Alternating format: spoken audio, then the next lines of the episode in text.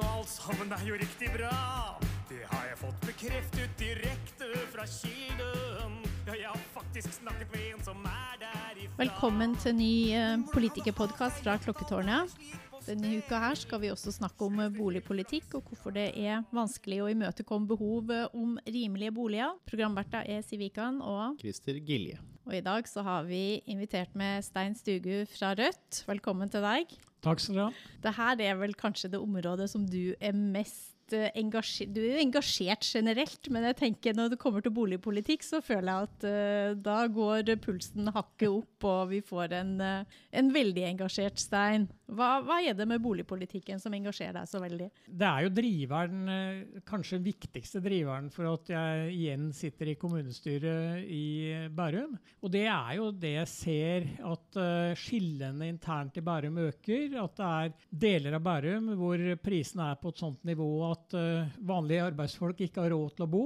Uh, hvis de ikke har arvet for mange mange tiår siden, eller for så vidt har, kommer fra dette området med arv, det er at det er en samfunnsutvikling som jeg er veldig kritisk til. Og så er det to sånn særegne ting. Det ene er jo at de siste ti årene mor og far levde, så bodde de på Flatlandstunet på Stabekk i uh, boliger som kostet under én million for eieboliger, og som ble solgt videre for omtrent samme prisen, sånn at broren min og meg som arvinger vi fikk omtrent en million for noe som er verdt 4-5 millioner i markedet. Og det syns jeg er helt rimelig. Uh, vi var ikke knytta til salget, men flere sånne boliger uh, kan gjøre noe med disse forskjellene, både i forhold til pris og i forhold til inkludering. Altså at det er mangfold i alle boområder. I tillegg så har jeg skrevet to rapporter, boligpolitiske eh, undersøkelser i min jobb som rådgiver i De facto. En for LO i Oslo, og en faktisk for Husbanken, som eh, er om sosial og inkluderende boligbygging. Altså som har to målsettinger med det vi skrev om. Det ene er rimelige boliger, og at de skal inkluderes i alle boområder. Og at det er et overordna mål. Og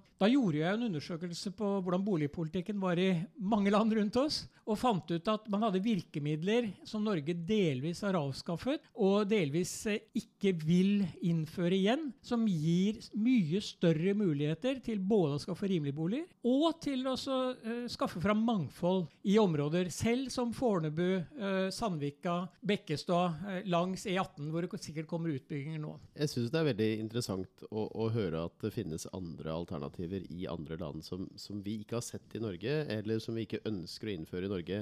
Du kan jo kanskje forklare litt mer om f.eks.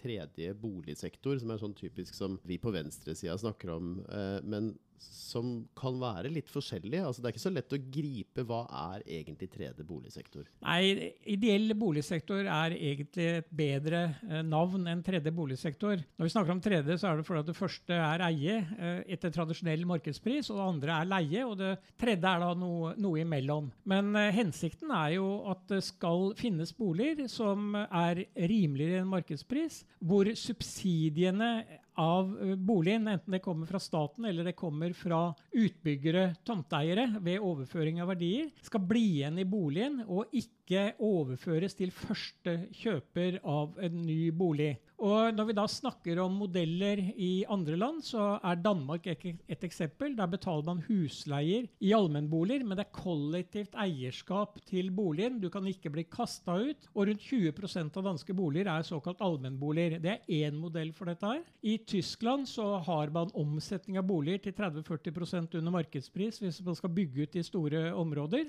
30% av de, og 30 av de boligene som bygges eh, ved nye prosjekt i byer som Hamburg og München er i en såkalt ideell sektor til pris under markedet. Tilsvarende regler har man i, i, Nederland, man har det i England av alle steder. Men i London så er det faktisk viktig i forhold til at det ikke bare skal bli rådyrboliger selv i de indre delene av London. Og man har det i Østerrike, altså man har det i veldig mange land. Men Norge har forbudt kommunene å pålegge utbygger den utbygging av slike boliger når man får lov til å bygge ut f.eks. på Fornebu eller på Bekkestua. I mange av landene rundt oss var det en selvfølge at man stilte slike krav. Og det var det faktisk også i Bærum for 25 år siden. Men, men det betyr at selv om du nå skulle fått bli ordfører i morgen, Så kunne ikke du sagt at uh, hvis noen skal bygge et nytt boligprosjekt på Bekkestua, så skal 50% være innafor den type boliger? Det er rett og slett ikke mulig i Norge i dag? Jo, hvis uh, kommunen eier deler av uh, tomtene selv, så hadde det vært mulig å stille slike krav. Og f.eks. i den siste utbyggingen på Bekkestua, så eide Bærum deler av det som skulle bygges ut, og kunne stilt slike krav.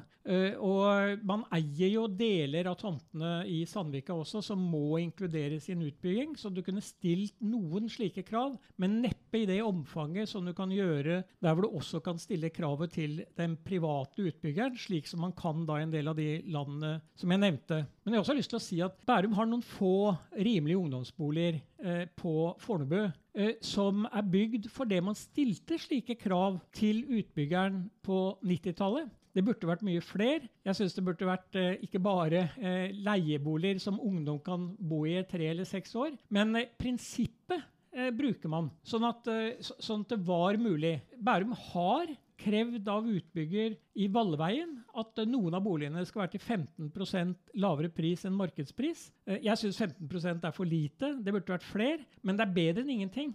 Sånn at dette prosjektet i Valleveien, hvor Bærum stilte slike krav på en tomt som Bærum kommune eier, det er i prinsippet samme måten å tenke på. Men omfanget kunne vært større, og man har avviklet den delen av plan- og bygningsloven som ga kommunene lov til å stille slike krav. Den ble avviklet for 20 år siden, og den bør vi gjeninnføre så snart som overhodet mulig. Så man fikk for flere verktøy i verktøykassa. Her er det litt utfordringer både på nasjonalt nivå og på kommunalt nivå. Men uh, er dette noe som det hadde gått an å gjøre mer av i Bærum i åra som kommer, med det regelverk som er nå, Siv?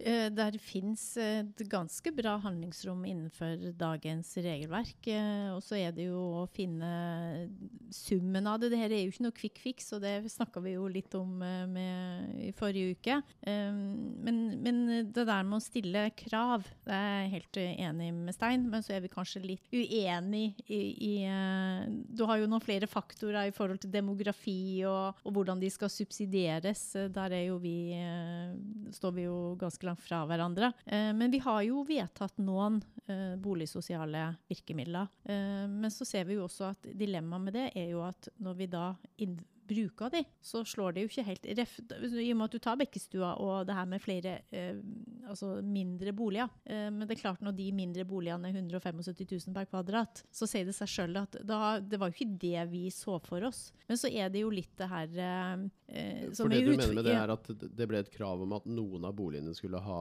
eh, færre kvadratmeter, ja, men så ble de likevel veldig dyre fordi ja, kvadratmeterprisen er så høy? Ja, nemlig. Eh, så, så, men utfordringa er jo, og vi vet jo grunnlaget for det, er jo tomteprisen. Og Bekkestua er jo veldig dyrt, og spesielt det området med Kleiveien som, som, er blitt kjøpt opp. Så utfordringa til Bærum er jo at vi har lite eh, tomteareal. Og det legger jo press eh, de, de, tar fra oss litt virkemidler, men i reguleringer så har vi jo muligheter. Og der må vi kanskje se på om vi kan ha noe som, som slår ut sånn som vi ønsker. Da. For jeg har inntrykk av at det er ganske sånn bred enighet om at vi ønsker flere boliger som lærere, sykepleiere og andre kan, kan bo i med, med hva, vanlige lønninger. Hva er grunnen til at ikke det skjer, tror du da, Stein? Er det fordi øh, de som styrer ikke har lyst til å regulere så mye, eller er det fordi at man har en diskusjon om hvem er det egentlig som skal subsidiere de boligene? da? Er det utbygger, eller er det kommunen, eller er det sted midt imellom? Begge. Jeg oppfatter at i Bærum er det begge deler. Sånn at det mangler politisk vilje til å bruke de mulighetene vi har. sånn at når vi eh, trakk fram det fra Rødt i kommunestyret om Bekkestad og den tomteparsellen man hadde der, så var det ikke vilje til å bruke den sånn som vi ønsker. Uh, man er veldig skeptisk til uh, boliger til under markedspris, fordi man er bekymra for at det både låser folk inne i de boligene, og man er bekymra for eh, svarte penger under bordet. og Jeg mener at begge de innvendingene er løsbare. Svarte penger ved å gjøre som på Flatlandstunet, at det er boligbyggelaget som selger videre. altså Det er ikke den som bor der som selger videre, så du frikobler selger fra kjøper. Det er veldig mye vanskeligere å få svart. Eh, når det gjelder innlåsningseffekten, så mener jeg jo at eh, du er enda mer innlåst hvis du bare leier bolig, for da klarer du ikke å bygge kapital i det hele tatt. Hvis du er i en eierbolig til f.eks. halvparten av markedspris, så kan du bygge kapital til et visst nivå. og Hvis du vil videre, så kan du, så kan du bruke den ka kapitalen. Og så er det jo sånn at jeg syns det er feil å snakke om subsidier, for det kostnadene ved å bygge ut i Bærum, eh, selve boligen, er i størrelsesorden 40 000-50 000 per kvadratmeter. Det som selges av boliger fra i Sandvika, i, på Bekkestad, på Fornebu, det går jo fra 80 000-90 000 kroner kvadratmeteren opp til 120-130 og det nevnte jo 175 på Bekkestad. Og den marginen eh, tilfaller jo grunneier og utbygger. Og hvis vi som kommune hadde sagt at forutsetningen for at dere får bygge her, er 50% 40% 30% boliger til lav pris, eh, hvor dere får dekket kostnader, men ikke kan ta ut profitten, og hvor grunneier beta får betalt omtrent på linje med det alle grunneiere får i Bærum ved videresalg, altså enten du nå bor på Bekkestad eller du bor på Stabekk, eh, et område som ikke skal bygges ut, så er det veldig store gevinster som i dag tilfaller grunneier og utbygger, hvor deler av gevinsten burde brukes til å bøte på de problemene markedet skaper for hvem som har råd til å bo i en kommune som eh, Bærum. Og det er et stort problem for Bærum kommune at veldig mange av de som jobber i kommunen, og også de som jobber i privat sektor, har lønninger hvor det er helt umulig å kjøpe seg en eh, stabil bolig noe sted i Bærum. Enda verre i Bærum øst enn i Bærum vest, men det er vanskelig i hele kommunen. Mm. Også. Men Derfor mener jeg også det her med flere billige utleieboliger uh, for de yngre, som gjør at de faktisk har muligheten til å bygge seg opp litt uh, egenkapital og komme seg i gang. Eh, men, men, jeg tenker, vi har jo Vi, vi, vi snakka nå som at det her er sånn kjempenegativt, men åtte av ti eier jo faktisk sin egen bolig i Norge. Så vi, vi, har jo, eh, vi har jo en veldig annerledes struktur på det enn de har mange andre land. Selv Sverige har jo ikke en, i nærheten av en sånn andel når det gjelder eie, altså andelen eier boliger, og det er vel kanskje den beste eh, spare altså, Det har jo en bedre, en bedre avkastning enn om å ha pengene i banken. Jo, men De boligene som vi snakker om, jo, ville jo vært innenfor, i hovedsak innenfor disse 80% og ville være eierboliger. Men du hadde hatt en kontroll på pris som uh, du ikke har i dag. Og dette er jo egentlig i tråd med slik boligbygging i, uh, i Norge var fra krigen og fram til ca. 1980, da det kom noen endringer med Willoch og Reagan og Thatcher internasjonalt, som ødela denne måten å tenke boligpolitikk på. Men vi ønsker jo ikke å innføre regulering av all pris eh, på boliger i Norge. Vi ønsker at, å bygge opp en sektor som eh, kan være kanskje 20% av boliger, i forskjellige former for eierskap, også typen allmennboliger som i Danmark, som er kollektivt eid, men du dekker kostnadene ved en leie. Men du, mm. det er som om du eier boligen. Din trygghet er som om du eier boligen, og den er kollektivt eid. Men, men utfordringa litt med, med, det som, som jeg føler er, er, litt din policy, er jo at uh, de som du da subsidierer, da blir det jo første leddet som får ta ut gevinsten. Hvordan sikrer du det?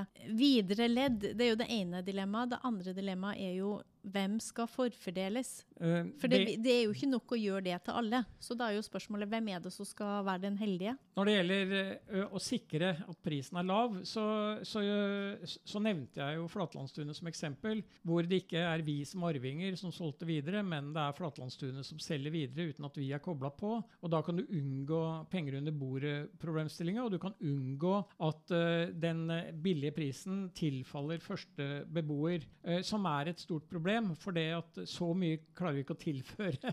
altså dette er, dette er jo store, dette er store, veldig store summer. Når det gjelder utvelgelse, så er den normale utvelgelsen i andre land at det er folk som har relativt dårlig inntekt, og gjerne folk som jobber i området.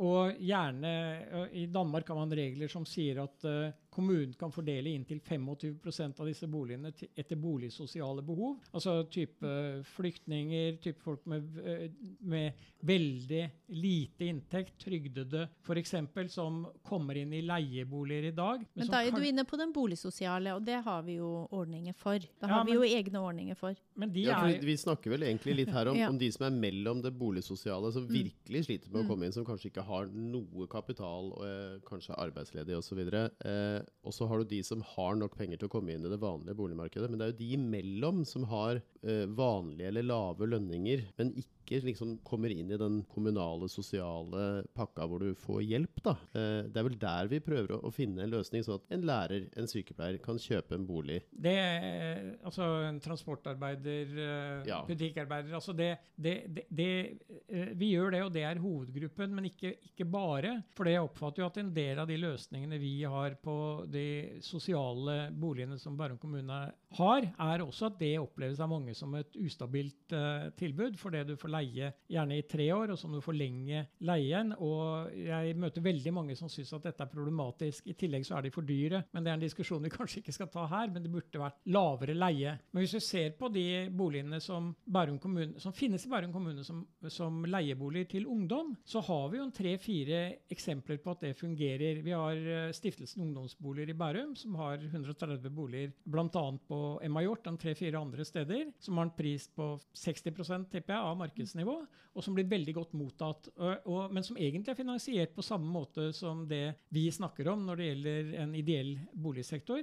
Vi har en annen stiftelse på Majort, og vi har da faktisk også kommunale boliger på Fornebu, som eh, er til en pris som er godt under leienivået i de vanlige eh, sosiale boligene i i Bærum, og som er faktisk, Det er faktisk et tankekors altså at den prisen er mye lavere. Eh, men ja, altså Stiftelsen de kjøper jo til markedspris, så det er jo ikke subsidiert. Kommunen har ikke subsidiert noe, men du subsidierer det med at du bygger flere leiligheter enn det du faktisk leier ut, og så subsidierer du salget av noen som gjør at du får 60 av, eh, av prisen på utleie. Så, så det er jo en modell som også uten eh, Å følge litt denne tråden med, med den subsidieringa. For på et Men, Ja, ja, men men- er det subsidiering? Fordi at det, det, Litt tilbake til det du snakka om i stad. Hvis det koster 45 000 per kvadratmeter å bygge ut, og så får du 90 000, da, eller 120 000, så kan du jo si at det, eh, det går fra profitt til superprofitt, nærmest. ja, men det kommer jo an på tomteprisen. Men Ja, men det er jo ikke bare Altså, øh, hvis det er sånn at etterspørselen er så stor at hvis du har et helt fritt marked, så kan du få superprofitt. Hvis kommunen sier enten 30% skal være til en lavere pris enn eh, markedsverdi, eller som Morten Beyer snakka om i forrige uke, eh, skal du bygge på den feteste tomta, så skal du også bygge noe på en litt dårligere tomt i hermetegn eh, for å få lov til det. Og dermed så eh, Jeg vet ikke om du skal kalle det subsidier. Det handler vel mer om at man roer ned litt den profitten som utbygger får. Det blir fortsatt lønnsomt for utbygger, men kommunen kan da si men vi må stille noen krav, sånn at dere får litt mindre profitt. Dere tjener på det. Ikke fullt så mye, og det blir litt lettere å komme inn i markedet for de som vil bo i Bærum. Den stiftelsen, de eh, siste boligene de bygde, det gjorde de på den måten du beskriver. Det er jo nettopp den måten vi ønsker at man skal subsidiere mye flere boliger. Og det er ikke subsidier, det er jo nettopp overføring av den superprofitten som Christer snakker om, til, til de som uh, trenger rimeligere boliger, altså vi trenger som kommune, for å få en bedre fordeling. Og nettopp den overføringen av deler av det gevinsten som eh, stiftelsen fikk ut av å kjøpe til markedspris, men som de brukte da til å overføre Jeg tror de solgte rundt tredjedel av boligen til markedspris og brukte gevinsten til å bygge disse ungdomsboligene. Det er jo akkurat det vi ønsker. Og så skal vi diskutere på en måte om dette skal være leieboliger eller eieboliger, men den modellen er jo det vi ønsker i mye større målestokk, og brukt og veldig tydelig brukt og på de områdene vi ønsker å bygge ut, sånn at både grunneier og utbygger vet det på forhånd. De vil tjene penger allikevel. De vil tjene minst like mye som mange andre, men deler av denne superprofitten skulle brukes. Også fra andre land så kjenner vi også modeller hvor eh, kommunen planlegger mye mer i detalj hva som skal bygges. Du kan få lov til å bygge raskere, som gjør at du ikke bruker så mye tid og penger på utbygging. Og så sier man til utbygger at hvis dere ikke bygger det vi skal ha, så eksproprierer vi. Og da slipper man å ekspropriere, for da retter man seg etter de påleggene likevel. For det vil allikevel være veldig mye penger å tjene i pressområder som det Bærum er. Men, men det interessante, for nå tok vi stiftelsen, og det var utleieboliger, så da fungerer modellen. Da tror jeg vi er helt enige. Men problemet blir jo når du skal selge, for da blir jo det første leddet som får gevinsten, de som kommer etter. Altså, hva er, hvem er, hvordan skal du definere hvem som skal få lov å trekke gulloddet, da? Skal ikke ha noe gullodd. Du, du Ja, du kan vel ikke selge en, en eh, Hvis du kommer inn i en slags tredje sektor av en eller annen, på en eller annen form, da, hvor du faktisk får en, kjøpe en leilighet til en rimeligere penge, så må det jo ikke være sånn at du kan selge den på det frie markedet etterpå og ta den profitten plutselig. For Men da vil du jo for evig jo alltid, alltid komme bakpå, da. Nei, du vil ikke alltid komme bakpå. Du vil komme mye nærmere det ordinære boligmarkedet ved å være i en slik bolig. Jo, Og, modell, og, modell, og modellen har jo til og med Bærum kommune for bare to år siden vedtatt, bare i liten målestokk i Valleveien. For da tar kommunen vare på i vare, uh, videresalget ved at det er kommunen som har tilbakekjøpsrett. Det er jo også denne modellen Obos bruker i veldig liten målestokk på Fornebu, ved at Obos kjøper tilbake og står for eventuelt videresalg. Men dette kunne systematiseres veldig mye bedre. Det blir systematisert veldig mye bedre i, i veldig mange andre land. Og det blir systematisert med eksempel for Flatlandstunet faktisk midt i Bærum. Og det fungerer helt utmerket i liten målestokk. Jeg kan ikke se noen grunn til at det ikke skulle fungere helt utmerket i mye større målestokk også. Men kan jeg komme med et lite resonnement der? For Hvis vi nå tenker at eh, du har et system hvor du bare har enten eie til markedspris eller leie. Da, hvis du eier i det norske markedet nå, i hvert fall i steder som Bærum, så kan du tjene flere hundre tusen hvert eneste år bare på å bo i boligen din. De som leier, de tjener ingenting. De er med på eh, egentlig å betale for at no noen som eier den leiligheten, tjener de pengene. Hvis du da hadde hatt en mellomsektor hvor du eh, tjente kanskje bare tilsvarende konsumprisindeksen, da, sånn at verdien steg litt, grann, men det var regulert, så var du i hvert fall inne i det markedet. Det er bedre enn å leie og ikke tjene noen ting og ikke bygge opp noe. Og så hadde du kanskje roa det der øverste markedet litt, grann, fordi at det var færre inne i det helt frie markedet. Og ja, da må noen kanskje tjene noen færre prosent på å være så heldig å kunne komme inn i, i virkelig det frie markedet. Eh, men flere hadde eid boligen sin på en enklere måte, og du hadde fortsatt hatt muligheten til at prisen går oppover. Du er trygg, du har en bolig. Men det blir litt mindre spekulering og litt flere som kommer inn. Men den modellen man bruker, er jo at eh, man eh, prisregulerer opp med konsumprisindeks, byggeprisindeks, altså du kan velge hvilken indeks du bruker. Og når du flytter ut, så gjør du, eh, så gjør du en takst hvor du da trekker fra for slitasje, og legger til for det du eventuelt har gjort av forbedringer på boligen. Sånn at, eh, sånn at du ivaretar på en måte også at du i en eh, ideell sektor kan bygge opp kapital etter denne modellen. Og så finnes det mange muligheter for mellomløsninger. Det finnes mange diskusjoner som går på, på hvem som skal komme inn. Helsinki eksempel, har leieboliger til 60% av markedspris, hvor du må tjene ganske lite for å få tildeling på boligen. Men du blir ikke kastet ut selv om din inntekt stiger. Eh, hensikten det er jo å sikre at de barna de som bor i dette området, eh, kan bli boende. Sånn at du ikke trenger å søke deg over i andre områder når du må ut fordi din inntekt kanskje går litt opp. Og det at eh, det er ustabilt i kommunale boliger og i den delen av leiemarkedet, er jo et veldig stort problem. Både i Bærum og kanskje enda større i Oslo. For det er også en del av poenget à la dette med allmennboliger i Danmark, at man skal kunne bli boende der eh, selv om man skulle få lavere inntekt eller høyere inntekt. Du, du er på, det er som om du eier boligen, sånn som i Norge, bare at du leier til en, en rimeligere penge. Det er til og med sånn at uh, det borgerlige flertallet som av og til har vært i Danmark, har jo avvist har jo, Noen av dere har prøvd å avvikle disse allmennboligene med den begrunnelsen at de vil bli kvitt den type boligsosiale ordninger, altså fordi det er en subsidie. Men det har de ikke fått til fordi at halvparten av de borgerlige partiene har jo da, eller midt på midten antagelig ment at dette er eieboliger, og det ønsker vi ikke å røre. Sånn at vi ønsker jo å bygge opp den type sektorer, og så akkurat nøyaktig hvordan det skal gjøres, det tror jeg kan variere, og det bør kanskje variere også avhengig av behovene i norske kommuner. For det at i Utkant-Norge så er jo ikke problemet at prisene stiger. Der er heller problemet at uh, prisene står stille på boliger, kanskje til og med går ned, sånn at du låses fast til det området du bor i, av helt andre årsaker. Altså Du får så lite penger igjen at du ikke får sjans til å komme videre, også hvis du må flytte til et annet sted for å få jobb, f.eks. Men, man men tenker du at det, man skal likestille det her med, med knutepunkt og fortettingsområder og det sentrale, de sentrale altså byomr- bykjerneområdene med det som skjer ute i på lands, kan jeg si landsbygda? Jeg kan jo gjøre det som er nordfra. Nei, du kan bruke litt Vi bor jo på landsbygda, vi gjør vi ikke det? Ja, Nei, man altså- påstår jo det. Påstår, Ja da. påstår jo det. Men uh, Sandvika er jo en by, da. Jo da. sier, er sier vi også. Men, men, eh, men det, det er Altså, det, De stedene hvor det er mye penger å hente pga. markedsutvikling, så er dette lett å gjennomføre uten at du gir offentlige subsidier. Men eh, jeg har jo ingenting imot at man f.eks. bygger opp Husbanken med noen milliarder med siktemål om å hjelpe kommunene til å få til dette. Og det vil jo helt opplagt være forhandlinger med utbyggere om hvor mye de skal bidra med, og hvor mye det offentlige eventuelt skal bidra med. Det offentlige trenger, mener jeg ikke trenger å bidra mye i Bærum. Men eh, skal man få det til i andre kommuner som måtte ønske dette, her, så kan det godt hende at det offentlige både på statlig nivå og kanskje også kommunalt nivå bør bidra med deler av den kapitalen som skal inn, men fortsatt med en bevisst holdning til at de bidragene skal bli igjen i boligen, og ikke bli en gavepakke til første kjøper. Og det er fullt mulig å, å gjøre det.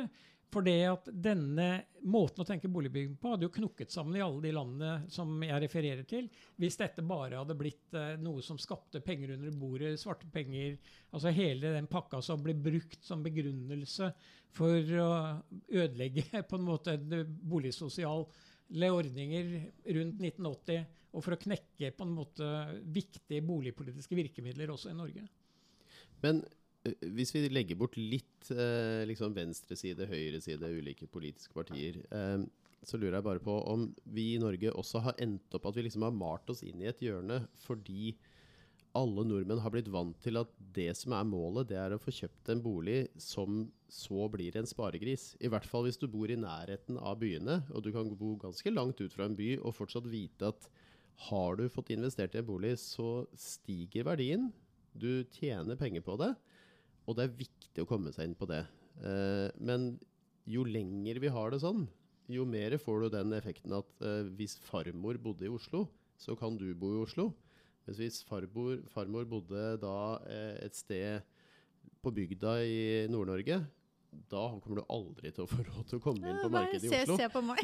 Ja, Bortsett fra hvis du er så heldig som Siv. Men, altså, for nei, men, altså, men jeg mener det litt seriøst, da. At over lang tid, da.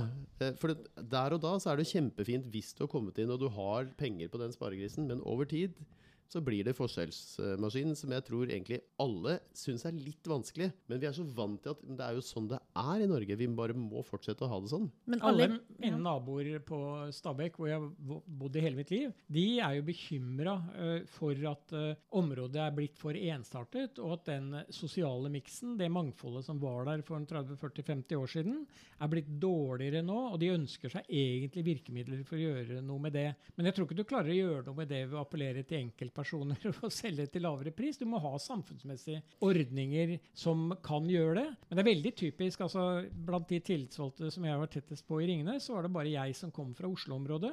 Og det var typisk nok bare jeg som hadde fått hjelp av Foreldrebanken, eller i realiteten Besteforeldrebanken, for å for, for å kunne få egen bolig. Eh, De andre som kom da fra steder som eh, Gjøvik, Elverum, eh, Nord-Norge, de hadde jo ikke noe sånn uh, foreldrebank eller arv som de kunne bruke for, for å komme inn i, i, inn i boligmarkedet. Og de forskjellene er jo ikke blitt mindre med årene. for at eh, Dels så kommer jo folk fra hele Norge, dels så kommer jo folk fra hele verden. Og det er klart at uh, de vil jo ikke ha altså De vil jo stå utenfor. Og 30% av befolkningen i Bærum, selv i Bærum, noe mer i Oslo, så vidt jeg vet 30-35 de kan ikke bruke altså de kan ikke finansiere mer enn maksimalt 3 millioner for å, for å få en egen bolig ut ifra den inntekten de har. Og det er klart at uh, Da betyr det i realiteten at de presses langt utafor byen. De presses til lange reiseveier. De presses til å bo trangt.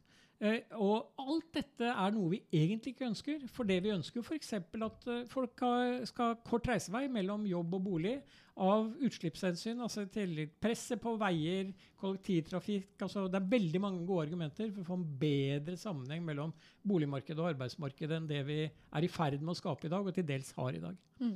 Men, men det er jo litt det der eh, første foten innafor. Eh, så, så vi vet jo at det det er også veldig mange som, fra andre kanter av landet som flytta til det sentrale Østlandet og klarer å etablere seg. Eh, og åtte av ti som sagt eier jo sin egen bolig. Så, så, så det er jo ikke Det er jo ikke umulig uoppnåelig. Eh, og så tenker jeg Vi har jo den kulturen med den eierlinja at vi ønsker Det er jo litt norsk, det. Det det å skal jo- eie sin uansett hvor altså tenker jeg, uansett Ja. hvor det er henne, så ønsker vi jo å eie vår egen bolig. For det gir jo en trygghet. Det gir jo en sikkerhet i forhold til at her kan du bo så lenge du ønsker. Men det er, det er faktisk eh, gått litt opp andelen som leier. Eh, og det kan jo hende at det, Jeg tror det var ett prosentpoeng, altså, så det er ikke mye. Men det er litt mer, eh, leste jeg nettopp, eh, blant unge. Eh, sånn at det betyr at det kan jo hende at det går i feil retning hvis man skal ha den motsatt. eie... Det er motsatt. Unge mellom 25 og 30, der har det økt fra 2004 fra 34% til 42 i forhold til andelen som eier. Å ja, Men, eh, ja, men jeg, jeg, uansett, så jeg Ja. leste det i Morgenbladet som var at det var 1 prosentpoeng mer som nå leide boligen sin. Men det kan godt hende at eh, det, Det var geografisk avgrenset, Ja, ikke sant? Det kan Mm. godt være, altså. Men poenget er jo at eh, det, no, ingenting kan jo vokse inn i himmelen. Så det er klart at hvis det fortsetter å øke med en god prosent hvert eneste år, eh, verdien på boliger, så vil det jo bli vanskeligere og vanskeligere for unge å komme inn. Og da må jo voksne må jo bruke mer og mer av sine penger på å hjelpe sine barn på å komme inn i boligmarkedet. Og på et eller annet tidspunkt så blir det litt sånn et litt for stort dyr som ikke fungerer lenger. Så eh, vi er jo litt tilbake til det samme som vi snakka om forrige uke. Må, noen ganger må markedet reguleres, i hvert fall litt. Ja, Vi risikerer jo et krakk uh, også. Altså, vi hadde Ja, jo et krakk i 89 som gjorde at jeg har venner av meg som uh, satt igjen med gjeld eh, fordi de måtte ut av boligen. Og vi kan, vi kan jo få det fordi vi på en måte har sluppet eh, eh, dette elementet Altså vi har sluppet markedet for fritt. Men det vi foreslår fra Rødts side når det gjelder disse ideelle boligene, det er ikke et brudd med eier, eierlinja. Det er ikke et brudd med at du eh, skal kunne eie din egen bolig. Men eh, det er en annen måte for deler av disse boligene. Og så har vi jo i tillegg det problemet nå at eh, leiemarkedet er problematisk fordi vi gir skattefordeler til de som eier boligen, men når du da leier ut en eh, hybelleilighet eller noe slikt, så kommer jo gevinsten altså Så får ikke de noen form for skattesubsidiering eller avslag i skatten. Det, den gevinsten den tilfaller jo de som eier eh, biland, for å bruke det som begrep. Og her må det faktisk gjøres noe i forhold til hvordan leiemarkedet fungerer. Og du må også gjøre noe antagelig i forhold til Vi snakket jo om små boliger som, eh, som gikk til skyhøye priser. Og vi har jo sett på Bekkestå også at folk har kjøpt opp flere eh, leiligheter og slått dem sammen. Og det er jo ikke det som var hensikten. Og det kunne også vært lett løst med en relativt lett regulering og kontroll på hva man gjorde med det man kjøper. Det krever litt regulering, men eh, det tror jeg at et velfungerende, også et velfungerende marked i sånn høyre eh, syn i veldig mange sammenhenger trenger. For hvis ikke så går det helt galt. Altså. Så det finnes jo masse markedsregulering også innenfor en markedsøkonomi. Og som der- ikke nødvendigvis er kapitalistisk økonomi, men markedsøkonomi. Og så gjetter jeg på at det er ett sted der vi sikkert kan enes, og det er eh, sekundærbolig. Al altså sånn som denne eh, som stilte opp i, i DN og klagde over at han ikke fikk nok lån til å kjøpe en sekundærbolig. Og det var så viktig fordi at han skulle få verdistigning som han igjen skulle la ungene arve. Og hvis du begynner å tenke sånn da, at hvis du har litt penger til overs, så skal du eh, låne litt mer, og så skal du kjøpe en ekstra bolig som noen andre skal leie, og så skal de være med å subsidiere at du skal få den verdistigninga. Der tror jeg vi er enige om at da begynner kanskje skattereglene og reguleringen å I, I hvert fall så kan jeg litt snakke, dårlig. f- ja, i hvert fall kan jeg snakke for min egen del eh, på akkurat det. Så når det gjelder beskatning av sekundærbolig, så er jeg eh, veldig enig i at eh, der er det virkemidler. For tanken er jo ikke når man bygger boliger at enkelte skal kjøpe seg opp og så leie, leie ut, og så skal andre stå og skrape og ikke komme innafor. Det er jo ikke det vi ønsker. Så det er jo den der primærboligen som vi snakka om her, da. Men, så, så der er det mye å, å gjøre, og det er klart jeg får ikke veldig mye sympati for, for han som ikke fikk eh, kjøpt bolig eller lån. Så Men eh, jeg må bare høre, vi begynner å nærme oss slutten. Men hvis vi hadde hatt eh, Hvis vi statistisk sett i Norge hadde det sånn at åtte av ti eide sin egen bolig, øh, og i snitt så økte den boligverdien med 1,8% hvert år, hadde det vært øh, også et like godt samfunn, eller er det en fordel at man kan bruke boligen som sparegris? Men tenker du at du skulle regulere det og si maks eh, stigning på bolig? Nei, der er vel litt tilbake til at hvis du hadde hatt et regulert hvordan- marked hvordan ved siden av et åpent det? marked, Ja. så, så vil det åpne markedet roe seg naturlig, og så kunne du selvfølgelig gjort noe med skattefordelene. det er jo etterspørsel, ikke sant? Det er det etterspørsel som avgjør eh, prisen. I Men- stor grad. Men det var litt mer filosofisk Ja, nå. jeg Jeg vet at det er ganske vanskelig å få det til. Men altså jeg, De fleste jeg tror de aller fleste tenker at helt frie markeder fungerer dårlig. Eh, Noe regulering må til. Og hvis du hadde hatt en regulering som gjorde at eh, flest mulig har en eh, bolig, den stiger i verdi sånn at du ikke taper penger, ja, da lever vi godt i landet. Men det er jo sånn at det er ikke noe i veien for å kombinere ideell sektor, sånn som Rødt snakker om, med også å ha hatt økt trykk på at du skal bygge mer, og du skal kunne komme raskere i gang.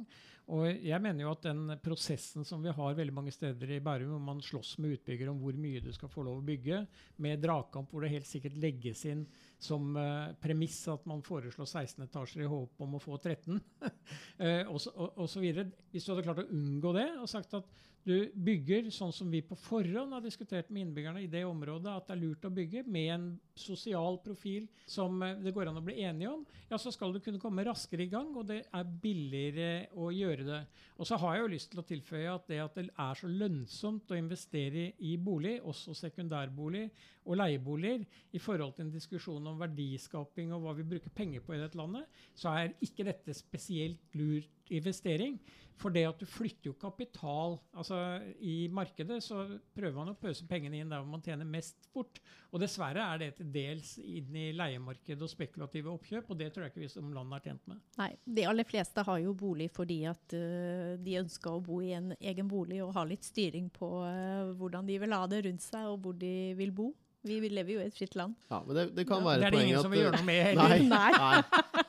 Men det er et godt poeng, da. At hvis, hvis jeg hadde plutselig arva tre millioner, så hadde det kanskje vært bedre at jeg eh, gjorde eh, som en del andre land. At jeg hadde tenkt å lage en startup, og så kanskje det blir et par arbeidsplasser av det, framfor å tenke shit, jeg må inn til Oslo, kjøpe en leilighet på Grünerløkka, pusse den opp sånn at den ser litt finere ut, og så selge den igjen, eller leie den ut, og så tjene penger på det. Eller du kunne bidra til å, å etablere medarbeiderstyrte bedrifter, arbeiderstyrte bedrifter. Ja, Som er en annen del av Rødts program å få til. Men du syns jeg Christer nesten hørtes ut som en høyremann på næringspolitikken, så jeg tenkte du er hjertelig velkommen over til Mm, Vi får se. Målet er vel å, å få deg heller over på den røde sida, tenker jeg. Kanskje vi er klare for en Kanskje. fun fact å, å gå inn mot landing? Ja, det kan vi gjøre.